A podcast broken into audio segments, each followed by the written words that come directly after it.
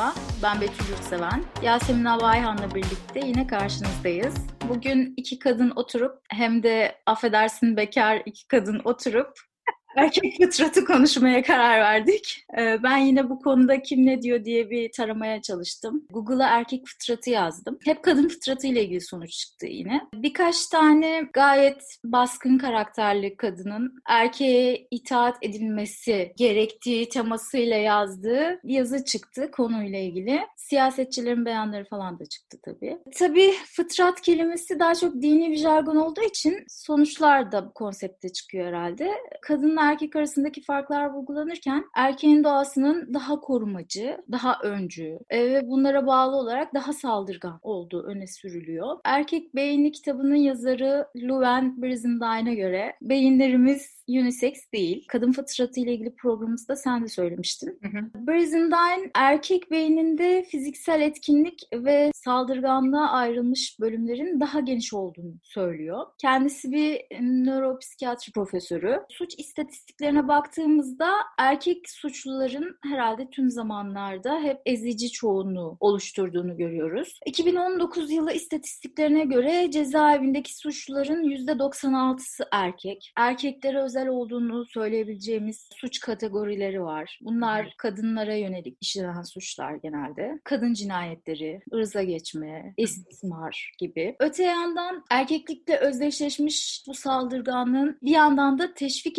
edilmeye devam ettiğini görüyoruz. Hem geleneksel mitler hem hemen her kültürdeki normlar hem günümüzde medya tarafından. Bu da erkek saldırganlığının toplumsal inşada önemli bir yere sahip olmasının devamını sağlıyor. Peki bu biyolojik bir sonuç mudur gerçekten? Erkekler saldırgan mıdır? Erkekler saldırgandır ama işte burada şöyle bir şey söyleyebiliriz. Erkekler kadınlara göre daha fazla saldırgan mıdır? Evet bazı durumlarda kadınlara göre daha fazla saldırgandır. Her zaman mı mutlaka erkeklerin daha saldırgan olması gerekir? İşte tartışmamız gereken kısmı orası olabilir ama erkekler saldırgandır. Bu cümlede bilimsel olarak yanlış olan hiçbir şey yok. Hatta sosyal psikoloji kuramlarının bir kısmı, evrimsel sosyal psikoloji kuramlarının bir kısmı da erkeklerin neden daha fazla saldırgan olduğunu açıklamaya çalışır. Sen çok güzel açıkladın. Burada temel olarak söyleyebileceğimiz iki ana başlık var. Birincisi biyolojik kökenlerine bağlı olarak da hormonal olarak da erkekler daha saldırgan olabilecekleri bazı hormonlara sahip olurlar. Erkekler testosteron salgılarlar ve yapılan araştırmalar testosteronun sadece cinsellikle bağlantılı olmadığını, saldırganlıkla da bağlantılı olduğunu gösterir. Aynı zamanda kıskançlıkla da bağlantılı olduğunu gösterir. Cinsel seçilim kuramı da bunu söyler. Üretkenlikteki başarısını devam ettirebilmek için erkeğin diğer erkekleri kendisinin bulunduğu alandan, kendi habitatından uzak uzaklaştırması gerekir ve kendisi için en iyi olabilecek cinsel eşi seçebilmek için de bu saldırganlığı kullanır. Bu aslında cinsel seçilimdeki bir stratejidir. Hayvanlar açısından da baktığımızda diğer hayvanlarda da bunun geçerli olduğunu biliyoruz. İşte evrimsel nöroandrojenik kuram da bunu söylüyor. Burada önemli olan bir androjenite varsa erkeklerin bu androjenitesinde erkekler hem kaynağı hem hiyerarşi hem de cinsel partneri bulmada nöral temelli olarak evrimsel bir bakış açısıyla, evrimsel bir geçmişe bağlı olarak bu saldırganlığı kullanırlar diye. Evet bu erkek saldırganlığı var. Ama hikaye şurada bitiyor mu? İşte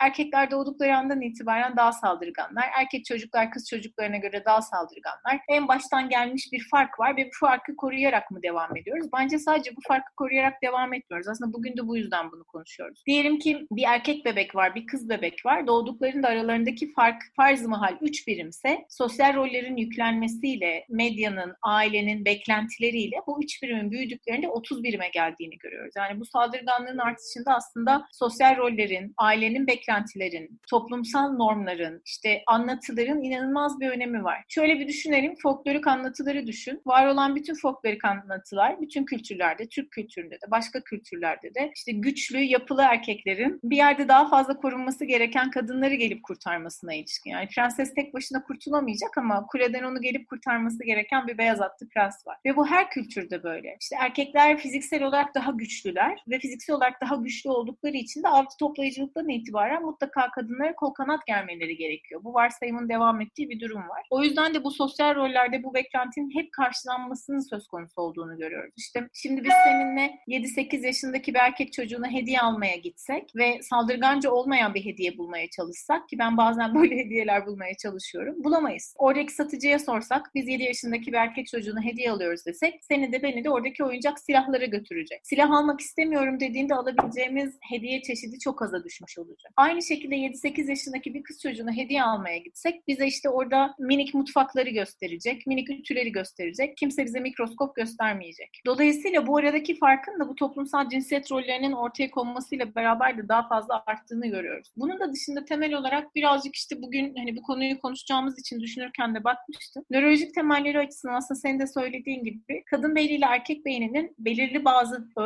öğrenmelere bağlı olarak bu baştan itibaren kesinlikle böyledir demiyorum. Beyin dediğimiz şey doğduğumuz andan itibaren belirli bir kapasitesine sahip ama hepimizin geçirdiği deneyimler ve öğrenmeler o beyni daha fazla genişletiyor. Nöronların daha fazla artmasını sağlıyor. Aksonla dendritler arasındaki bağları da daha fazla güçlendiriyor. O yüzden aslında çocukluktan itibaren hepimizin deneyimlerinin farklı olmasının ya da daha çok deneyime sahip olmamızın bir önemi var. Ama bu deneyimler erkeklerle kadınlarda daha farklı bir şey öğretiyor. Erkeklerde mesela şunu öğretiyor, biz onu biliyoruz. Erkeklerin saldırgan bazı senaryoları okuduğu araştırmalarda, saldırgan bazı görüntüleri izlediklerinde ve saldırgan olma ihtimalinin arttığı durumlarda, kadınlarda da belirli bir saldırganlığın böyle prime edilmeye çalışıldığı, saldırganlığa kadınların hazırlandığı durumlarda erkeklerin duygu kontrolünü sağlamaya yönelik olarak limbik sistemin daha fazla uyarıldığını görüyoruz. Ama duygu kontrolünü sağlayamıyorlar. Kadınlar duygu kontrolünü sağlıyorlar. Ama erkeklerde duygu kontrolünün sağlanmasında daha fazla sıkıntının yaşandığını görüyoruz. Mesela arteriyel simülat korteks de daha fazla uyarılıyor. Sosyal bilgiyi işlemeyle ilgili biraz daha fazla sıkıntı yaşadıkları görülüyor. Şimdi sosyal bilgi işlemeyle ilgili bir sıkıntının yaşanması ne demek? Bir kişiyi provoke edecek olan bir davranış gerçekleştiğinde o davranışın nedeninin nasılının ne olduğunu ayırt etmekte daha çok güçlük çekmesi demek. Dolayısıyla bu bilgi işleyemediği için de saldırganlığına kendisine bir zemin oluşturması demek. Böyle bir problem var ama bu bir problem midir değil midir tabii ki tartışılır ama böyle bir fark var. Ama bu fark nereden geliyor dediğinizde ben öğrenmelerden kaynaklandığını eminim. Nörologlar da yaptıkları çalışmaları hiçbir zaman yani erkek saldırganlığı ile ilgili her çalışma şöyle biter. Başlangıçta herkes bir cepheden bakar. İşte hani sosyal roller kuramlarını söyleyenler o taraftan bakar. Cinsel seçilim kuramlarını, evrimsel kuramları söyleyenler bir taraftan bakar. Biyolojik perspektiften bakanlar bir taraftan bakar ama bütün o makalelerin kitaplarının sonunda şunu görürsünüz. İşte hani it's a two-way street diye biter hepsi. Burada iki yolda var. İkisinde bir araya mutlaka gelmesi lazım. Mutlaka bir ortak etki var diye. Bu öğrenmelerin çok kritik olduğunu düşünüyorum ben. İşte Berkowitz bizim için çok önemli bir sosyal psikolog. Berkowitz bunların tamamen sosyal öğrenmeyle gerçekleştiğini ve sosyal rollerin öğrenmesinin sonucu olduğunu söylüyor. O kadar olmayabilir ama bu dünyadaki bütün anlatılar, medyanın daimi olarak bu meseleyi bu şekilde vermesi, çocukluktan itibaren bazı açılardan her iki grubun da birbirinden daha farklı yetiştirilmesinin bunu pompaladığını biliyoruz. Bunun pompalamama ihtimali yok. Mesela saldırgan bir kadın figürünü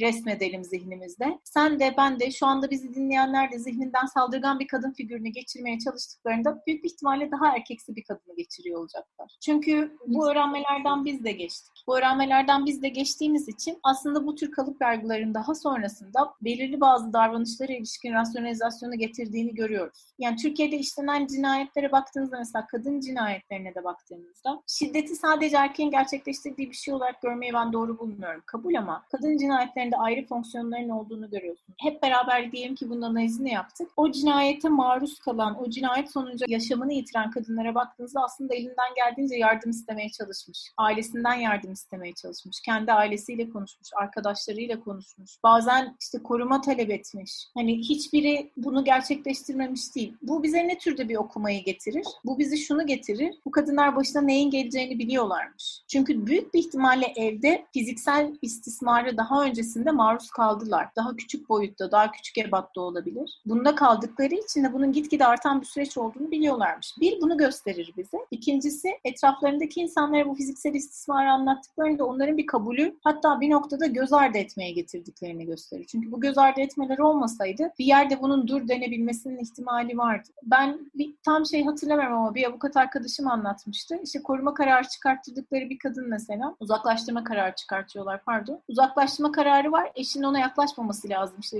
belirli bir bilmem kaç kilometre. Ama eşi mahalledeki bakkalı ayarlamış. Bakkalla da arkadaşlar. Kadın bakkala geldiğinde haber veriyor. O da bakkala geliyor. Ve burada şöyle bir açıklama yapabiliyor yarın bir gün gerektiğinde. İşte ben tesadüfen oradaydım diyebilir. Ama her bakkala geldiğinde hiçbir şey yapması gerekmiyor. Kendi varlığını orada gösteriyor ve kadını farklı bir şekilde aslında orada istismar etmiş oluyor. Ben buradayım diyor. Sen ne kadar karar çıkartırsan çıkart. Elinden geleni yaparsan yap. Devleti ne kadar arkana alırsan al. Bak ben başka bir yolunu bulurum diye. Orada zaten o sosyal desteğin hiç kesilmediğini görüyoruz erkeklere. Bence en büyük sıkıntılardan bir tanesi bu. Duygularını ifade etmeyi öğrenemiyorlar. Duygularının ne olduğunu anlamayı da öğrenemiyorlar, anlamlandırmayı da öğrenemiyorlar. Ve duyguları ifade edememek erkekler için çok normal. Yani çocukken öfkelendiğinde neden öfkelendiğini bir erkek çocuğun açıklamasını sağlamamız lazım. Sağlayamadığında büyüdüğünde neden öfkelendiğini kesinlikle açıklaması gerekmiyor ama onun dışında sağ sola vurabilir. Bizim çocukta biraz haşarı olur onu yaptığında. Kız çocuğunda sağ sola vurduğunda ben adım kadar eminim ikinci gün psikologdalar.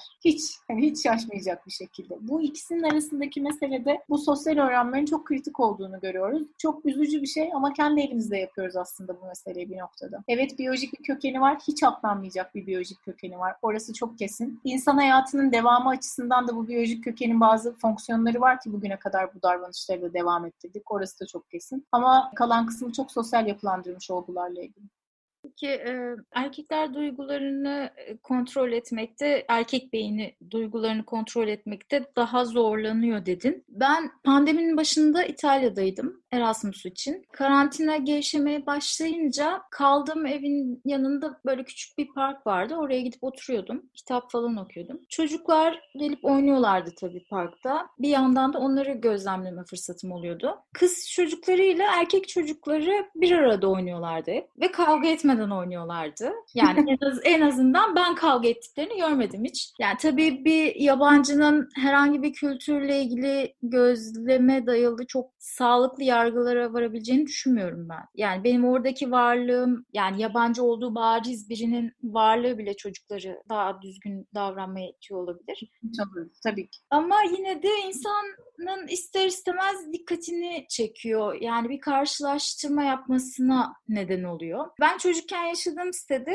erkek çocukları ne zaman oyunumuza alsak maksimum yarım saat sonra en az bir kız ağlayarak evine gidiyordu. İşte ya mazıkçılık yapıyorlardı ya canımızı acıtıyorlardı fiziksel olarak ya da işte kötü şeyler söylüyorlardı falan. Ve benim yaşadığım yer benim yaşadığım site kısmen sterilize sayılabilecek bir yerdi. Yani işte görece düzgün ailelerin yaşadığı bir yer. Ya da geleneksel normlara göre düzgün kabul edilen diyelim.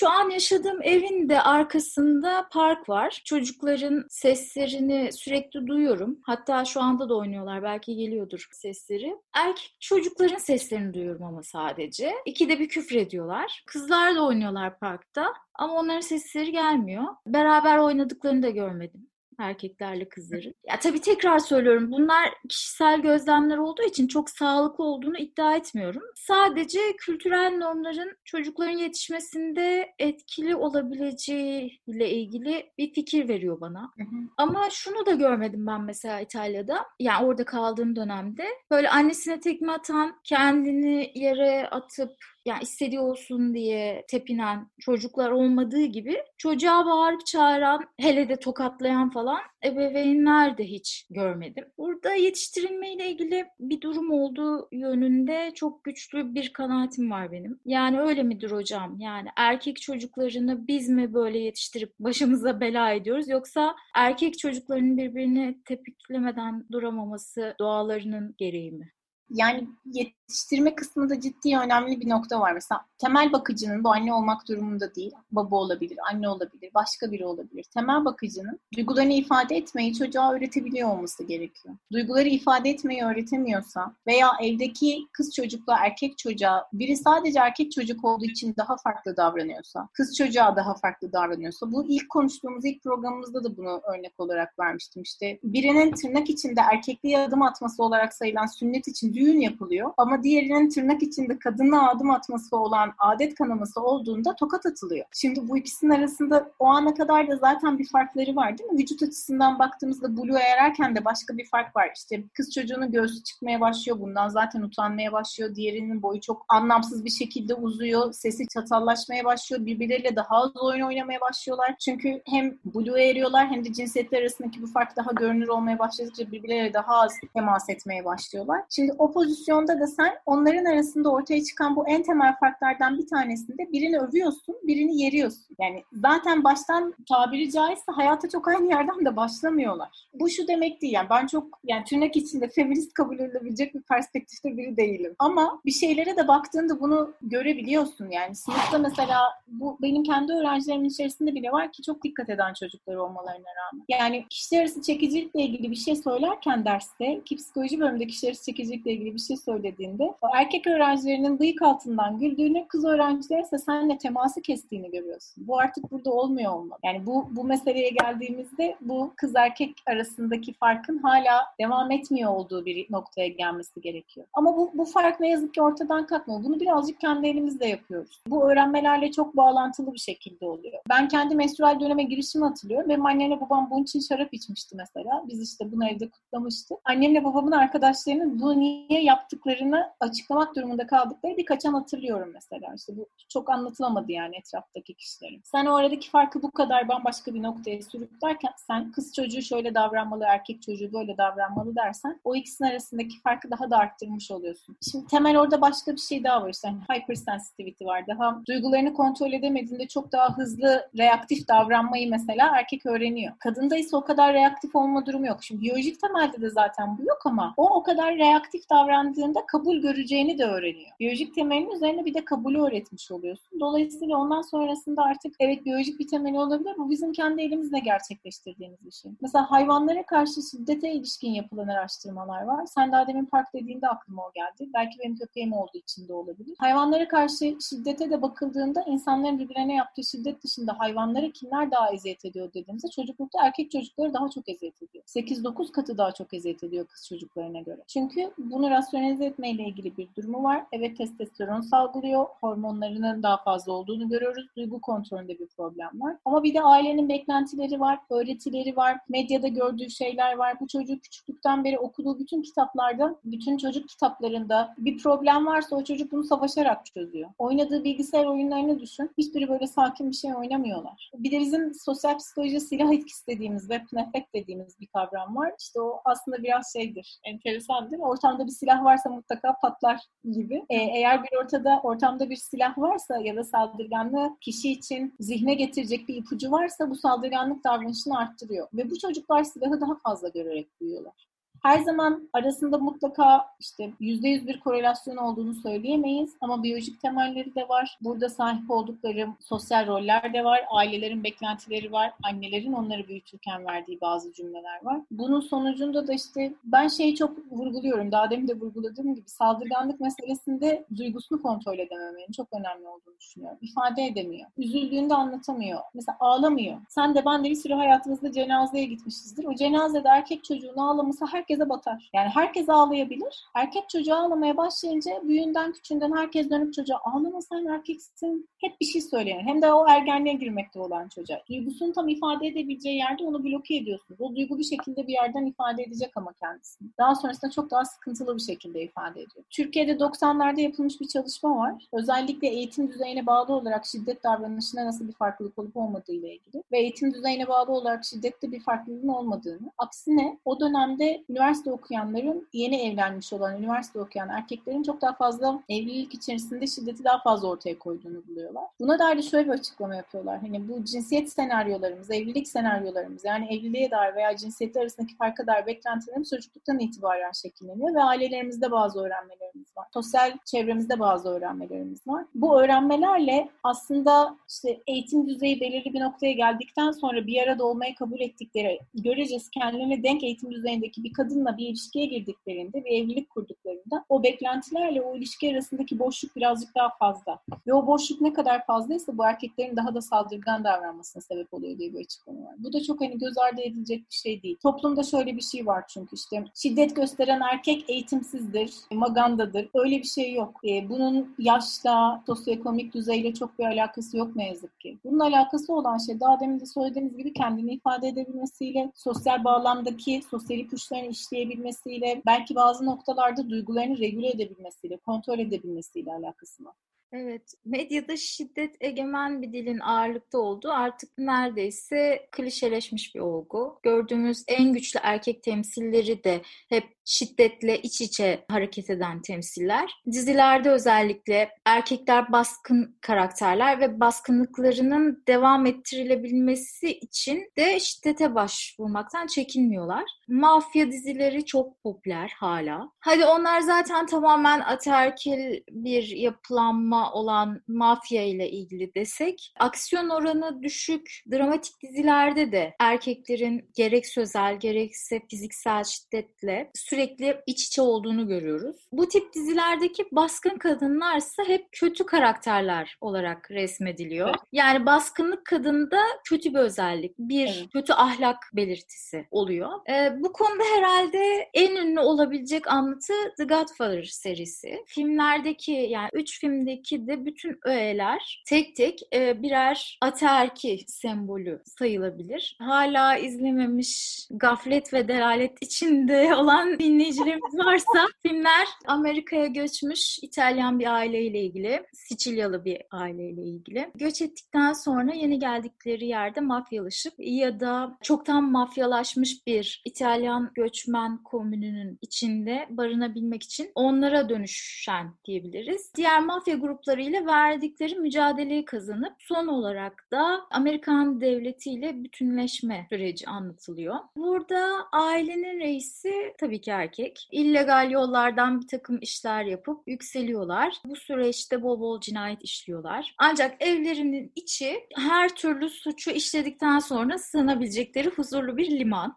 ee, işte fast food kültürünün hakim olduğu Amerikan sosyal hayatına inat. Eve gelince sofranın başında geleneksel bir akşam yemeği yiyorlar hep beraber. Sofranın başında aynı zamanda mafya babası da olan aile reisi oturuyor. Kadınlar ayakta servis yapıyor. Daha sonra aile reisliğine geçen Michael karakteri de yine son derece baskın bir adam. Ailenin mafya düzenine uyum sağlayamayıp sonunda isyan eden karısı Kay'di galiba. Kay'e karşı da şiddet uygulayabilen biri. Yani bir yerde tokatlıyor. Kürtaj yaptığını öğrenince tokatlıyor kadını. Ama aynı zamanda sinema tarihinin en sevilen karakterlerinden biri bu adam. Filmlerde yani ilk iki film, üçüncüsü kötü de ilk iki film hala sinema tarihinin en çok izlenilen, en iyi filmlerinden kabul ediliyor. Ve oturduğumuzda hala keyifli izlediğimiz filmler. Tabii yani günümüzde şiddet konusunda artık aşmış diyebileceğimiz yüzlerce film var. Ama yani marjinal görünmeyen, uçlarda görünmeyen hikayelerin bir şeyleri normalleştirmede çok daha etkin olduğunu düşündüğüm için ben bu tarz örnekler vermeye çalışıyorum. Bu tarz kriminal, şiddet düşkünü, erkek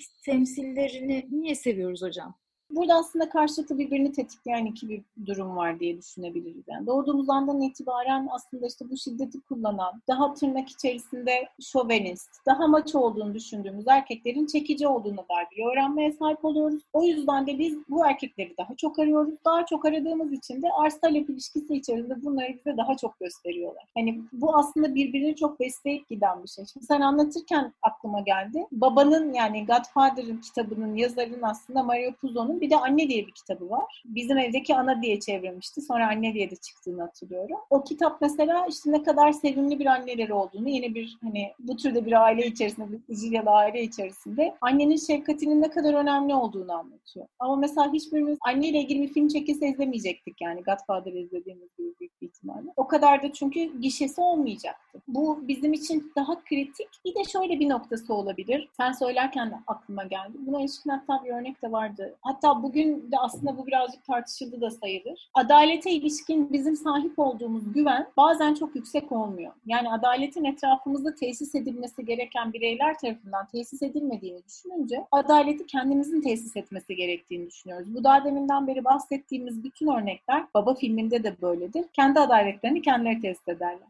Ve bu da bize bir şey izlerken o izlediğimiz hikayede bir haksızlık gerçekleşiyor değil mi? O haksızlığın sonucunda aslında en başta bütün o motifler çok daha iyi noktadalarken işte Dark Side'a geçişleri bir haksızlığın sonucunda oluyor. Biz o haksızlığı izlediğimizde öcalma duygusuyla duyuyoruz. Adalete yönelik güvenimizde de belirli bir sarsılma varsa o adaleti yeniden daha güçlü olduğunu düşündüğümüz bu kahraman kendi eliyle tesis ettiğinde çok rahatlıyoruz. Bu bize bir katarsis yaşatıyor. Birazcık da bunun adalete güvenle ilgili olduğunu görüyoruz. Türkiye'de çekilmiş dizilere bak. İşte yok Deli Yüreğinden Çukuruna kadar. Aslında o hikayelerde hep şöyle bir şey yok mu? Yani çok izlemedim şimdi burada söyleyeceğim her şeyin çok offside olma ihtimali var ama karakterin e, bir yaşadığı bir adaletsizlik var. Onu kendine göre tırnak içinde usulünce çözüyor bir şekilde. Ama izleyenler ona o yüzden hak veriyorlar ve kahraman yüzden onlara sempatik geliyor. Çünkü bir haksızlığın içerisinden onları çıkarıyor. Şimdi bu türde dizilerin özellikle ergen çocukların üzerinde inanılmaz bir etkisi var. Çünkü ergenlikte zaten hayat hayattaki her şeyin adaletsiz olduğunu düşünürsün. Oradaki o haksızlık, o dönemin getirdiği öfkeyi bunun üzerinden çıkardıkları için de biz bu tür dizileri ve filmleri çok izliyoruz. Baba bir de güzel de bir film bir noktada o yüzden de izliyor olabiliriz ama yani sinematografik olarak güzel ama senin söylediğin gibi o filmde sürekli bu mesajı veriyor. Bir de o filmde benim şaşırtan şeylerden biri şuydu. Şimdi sen söyleyince de çok aklıma geldi. İşte Michael Corleone'nin karısına sert davranmasından annesi memnun mesela. Şuna bir düzen ver. Birazcık toparla mesajını o veriyor yani. İşte Sicilyalı bir ailede kadınların bu kadar sesi çıkmaz diyor köşeye çekip olduğunu. Şimdi bu da aslında bizim başından beri konuştuğumuz şeyde çok iyi bir örnek. Evet, bugün erkekler saldırgan mıdır sorusuna cevap aradık ve çok büyük oranda saldırgan oldukları vardık. Saldırganlıklarının bir bölümü fıtratlarından, yaratılışlarından, beyin aktivitelerinden, beyin yapılarından geliyor olsa da e, çok büyük bir kısmının yetiştirmeyle, sosyal yapılanmayla alakalı olduğunu tespit ettik.